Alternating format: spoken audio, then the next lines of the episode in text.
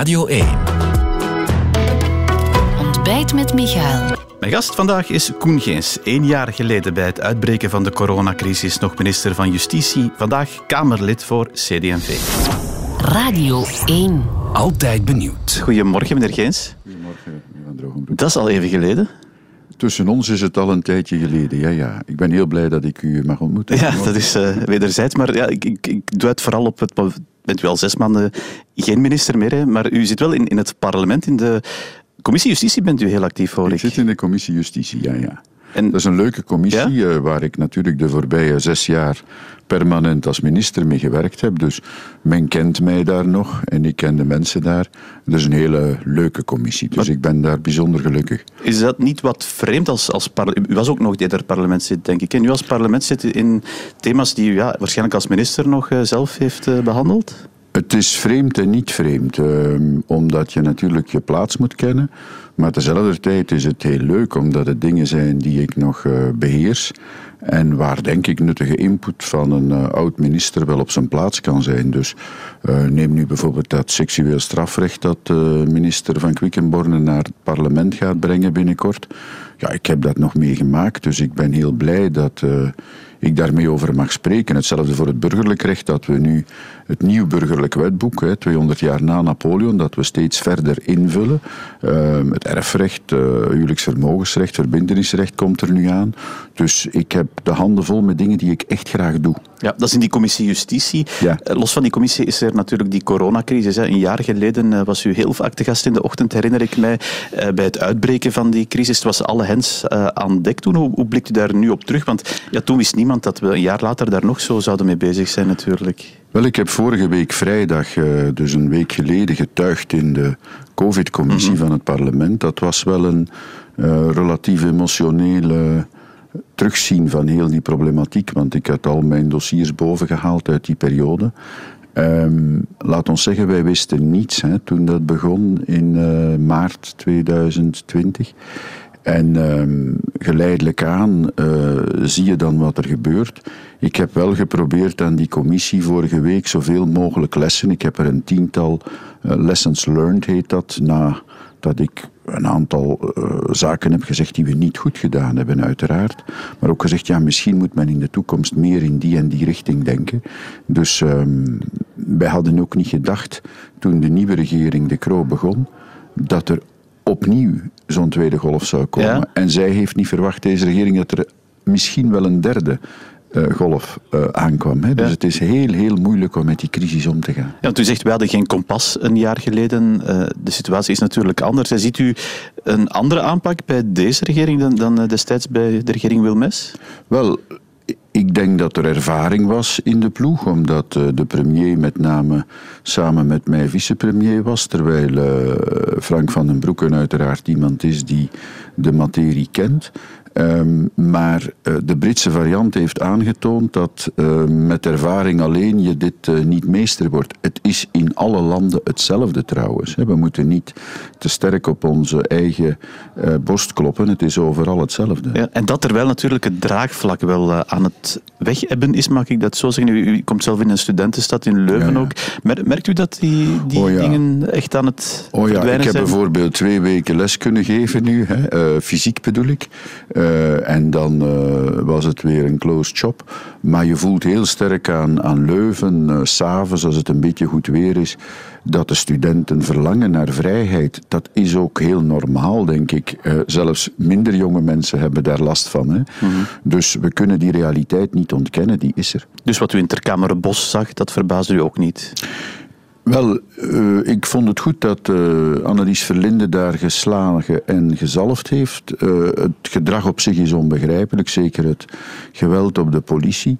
Ehm, maar we moeten er wel eh, begrip voor hebben. Ik zou wel niet graag hebben dat dit soort geweld, eh, want het waren doorgaans eh, studenten of mensen van dat milieu, gemakkelijker getolereerd wordt dan geweld in het centrum van Brussel door andere jongeren. Ziet u daar een verschil? Ik weet het niet. Ik, ik, ik heb niet graag, bedoel, ik, ik versta heel goed politiegeweld is ook als je daar de eerste keer mee geconfronteerd wordt met paarden. Hè. Dat is institutioneel het, het geweld van de overheid, bedoel ik. Dat mag de overheid doen, maar dat is heel vreemd om mee geconfronteerd te worden. Ik vind dan dat je niet in de contramine mag gaan. Hè. In eerste instantie kan je zeggen, ja, je had hier niet moeten zijn, ga nu maar naar huis. Maar dan nog in de contramine gaan, dat vind ik ook van um, jongeren die studeren heel onverstandig. Maar zegt u nu, er moet vooral gezorgd worden dat er geen verschil gemaakt wordt tussen bourgeois-kinderen en migrantenkinderen? Wel, ik heb dat niet gezegd, u zegt dat. Maar uh, ik, ik mocht ik op uw plaats gezeten hebben, ik zou dat kunnen gevraagd hebben. Ja. Dat is het draagvlak, meneer Geens. Uh, er is natuurlijk ook het juridische aspect, de, de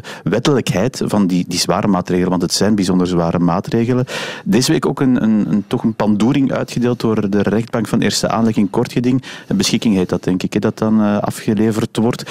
Hoe, uh, ja, hoe zet dat heel die, al die maatregelen eigenlijk op, uh, op losse schroeven? Wel, dat vonnis of die beschikking eigenlijk is er maar één in een heel lange rij. En het is een van de weinige dissonanten. Er zijn er nog enkele geweest in eerste aanleg die ook negatief waren voor de regering, maar in hoger beroep is dat altijd rechtgezet.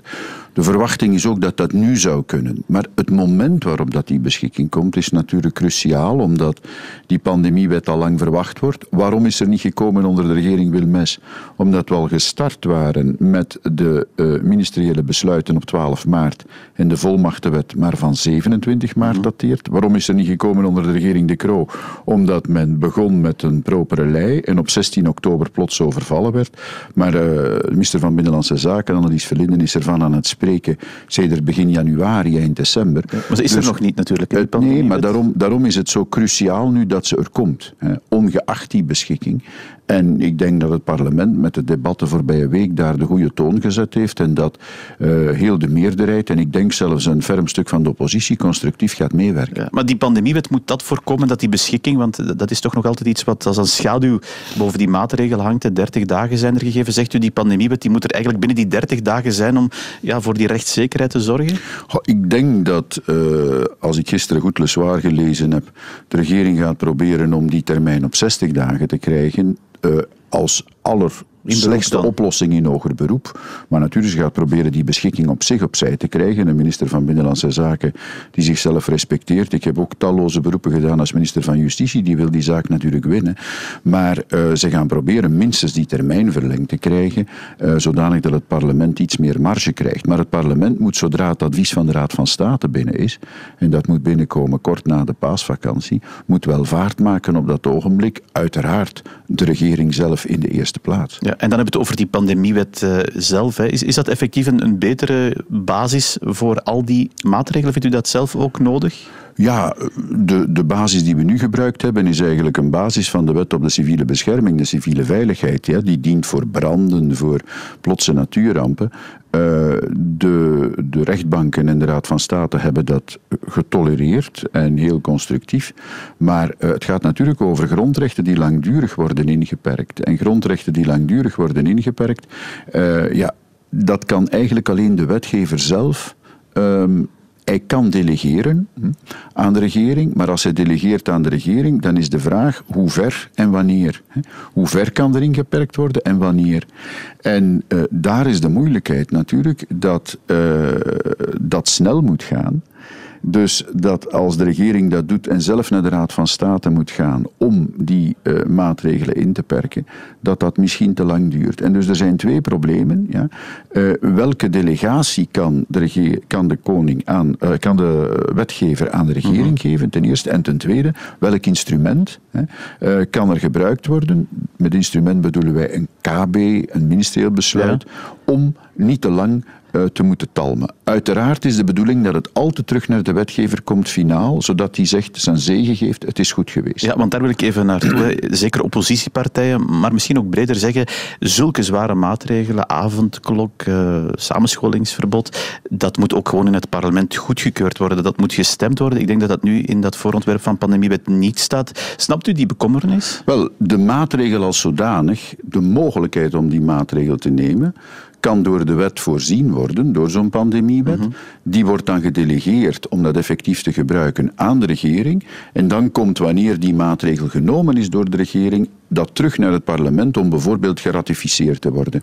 Maar dan is de maatregel al in kracht. Dus ik denk dat het, dat, dat evenwicht is dat men moet zoeken. Ja, en dat moet dus dringend gezocht worden om die uh, basis te voorzien. Natuurlijk, de ongemakkelijke waarheid, meneer Geens, is misschien ook wel van het mag zo wettelijk ondersteund zijn als iets, die maatregel, de, de, de, het vervelende aspect van die maatregel gaat niet weggaan daarmee natuurlijk. Hè? Nee, uh, ik heb deze morgen de brief van uh, Annelies Verlinde gelezen en ook daarnet Benjamin Dalle gehoord. U voelt dat wij voortdurend niet anders kunnen dan slaan en zalven. Hè. Slaan naar uh, diegenen toe die uh, kwaadwillig die maatregelen niet naleven, maar ook zalven en zeggen doe nog eens een inspanning, we moeten er echt geraken. En uh, dat maakt het bijzonder moeilijk ook als communicatieoefening. Ik denk dat menig communicatie, uh, en deskundige zich hier al op de tanden heeft stuk gebeten. Het is heel moeilijk. Wat soms ook meespeelt is natuurlijk het, eh, overtuigen van sommigen, of de, overtuiging van sommigen, dat deze, misschien ook de vorige regering waar u in zat, dat gewoon allemaal niet goed aangepakt heeft. Te lang gewacht met veel dingen, te laat heeft ingegrepen, dingen niet gedaan heeft die moesten gebeuren. Ach, um, ik denk dat heel veel beter kan in dit land. Dus we hebben dat toekoer niet perfect gedaan. Dat heb ik vorige week ook in de commissie hier uiterlijk toegegeven. En we moeten eruit leren. Maar als je kijkt naar andere landen, als je ziet dat mevrouw Merkel haar maatregelen moet terugtrekken en uh, naar Canossa moet gaan en zich publiek moet verontschuldigen, dat Nederland verschillende keren opnieuw in lockdown is gegaan. Terwijl wij dan toch dingen hebben kunnen doen, anders dan de ons omringende landen, zoals de scholen openhouden, zolang als het enigszins gaat, dan denk ik dat we ook niet verlegen moeten zijn. Het is overal moeilijk en iedereen komt in deze crisis zichzelf niet één, maar drie tot vier keer tegen. En dus degene die zegt ik weet het beter, die hoor ik en dan zeg ik ja, het is juist, we hadden het veel beter kunnen doen, maar het is veel minder eenvoudig dan het lijkt. En uh, daar zou ik toch wel de nadruk op willen leggen. Als je ziet hoe men probeert te motiveren bijvoorbeeld. Hè, men zegt ja, we gaan er uh, besmettingen opzetten. We gaan zeggen, we gaan maar over tot de volgende fase als we beneden de 800 besmettingen dalen. Ja. Dus een beetje zoals uh, een, een jongere waaraan men zegt, als je nu 8 op 10 haalt, dan, dan mag je buiten vanavond. Maar ja, op een bepaald moment uh, zeg je dan ja, het zijn nog wel 1200 besmettingen, maar nu moeten we toch echt iets doen. Hetzelfde met de data. Men zet voorop 1 mei. Dat hebben wij in de zomer vorig jaar ook gedaan.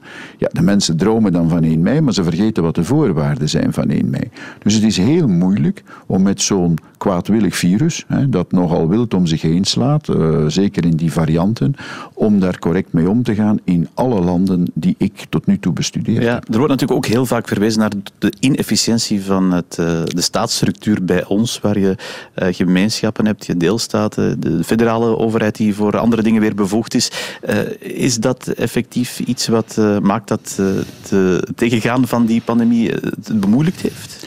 Ja, um, dat denk ik wel. Aan de andere kant mogen we er ook niet te veel op steken, want er is goed samengewerkt. Uh, dat overlegcomité dat zal niet moeilijk... iedereen in dat overlegcomité zeggen natuurlijk. Nee, maar het is een heel moeilijke formule. Maar als mevrouw Merkel met haar 16 deelstaten aan de telefoon is, wat zij geregeld moet doen, dan is dat ook een moeilijke formule. En als mevrouw von der Leyen met haar 27 lidstaten aan de lijn is, is dat ook. Maar we zijn natuurlijk een klein land met maar een, een viertal homogene uh, gemeenschappen, zou ik zeggen. Dus het is bij ons moeilijker dan het zou mogen zijn, gelet op het feit dat we maar met 11 miljoen zijn. Ja, maar wat is daar dan de oplossing? Dat is de vaststelling. Wat is de oplossing ja, daarvoor? Wel, u kent mijn overtuiging hè, en velen gaan u zeggen, ja kijk eens, uh, uh, federaal doet dit beter, uh, de Vlaamse gemeenschap doet dat beter. Um, een pandemiebestrijding is iets bijzonders. Um, en daar moet je afspreken wie dat coördineert. Ik zelf geloof, ik heb dat vorige week ook in het parlement gezegd, dat Europa veel sterker moet tussenkomen. Ja. Roubaix heeft veel meer te maken met Doornik dan Doornik te maken heeft met Maasmechelen. Die regio's in Europa die uh, volgen de landsgrenzen niet, de pandemische regio's als ik het zo mag zeggen. Dus Europa zou veel sterker moeten tussenkomen. Maar in België worden wij um, werkelijk genekt door de overlappende bevoegdheden. Er zijn er veel te veel die overlappen. Gezondheid is een typische, uh, maar het is niet de enige. Er is en dus is een staatshervorming nodig, zeg Wel, uh, in elk geval, hè, kijk eens... Um, wanneer gaan we nu weten wie echt bevoegd is voor energie, wie echt bevoegd is voor milieu, wie echt bevoegd is voor economie, wie echt bevoegd is voor gezondheid. En in een pandemie wordt dat allemaal op de proef gesteld, hè, want op dat moment moeten er snelle maatregelen genomen worden. Er is overleg, ja, maar iedereen moet vooruit. En dan zie je dat er toch heel veel dubbel gebruik is. En soms dat men zegt, zoals in het belastingrecht, a double no tax. Ik ben niet bevoegd. Nee, u bent bevoegd. U had dat moeten doen. Nee, ik ben niet bevoegd. Begrijpt u?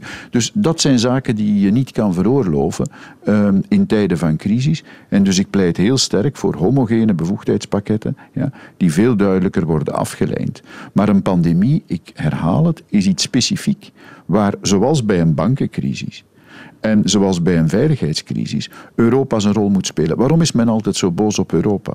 Omdat Europa, u weet dat beter dan ik, nog niet bevoegd is op het moment dat de crisis begint.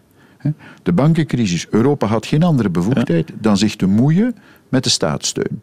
En voor de rest heeft men er vijf jaar over gedaan voor het kwam tot een bankenunie. maar ik hoor u dus pleiten voor een staatshervorming, want daar wil ik nog even toe komen. Dus een paasweekend, meneer Gens, wat zijn uw plannen nog? Goh, mijn plannen zijn uh, het heel rustig aan te doen. Uh, vanavond met mijn vrouw lekker te eten. En morgen een paar kinderen in de tuin te zien. Ja, op veilige afstand. Op veilige afstand. Dan dank ik u voor eh, de komst naar de studio van morgen, meneer Gens. Dank je wel. Heel graag gedaan, dank u. Dit was Ontbijt met Michael, een podcast van Radio 1. Ontdek nog meer podcasts van Radio 1 in onze app en op radio1.be.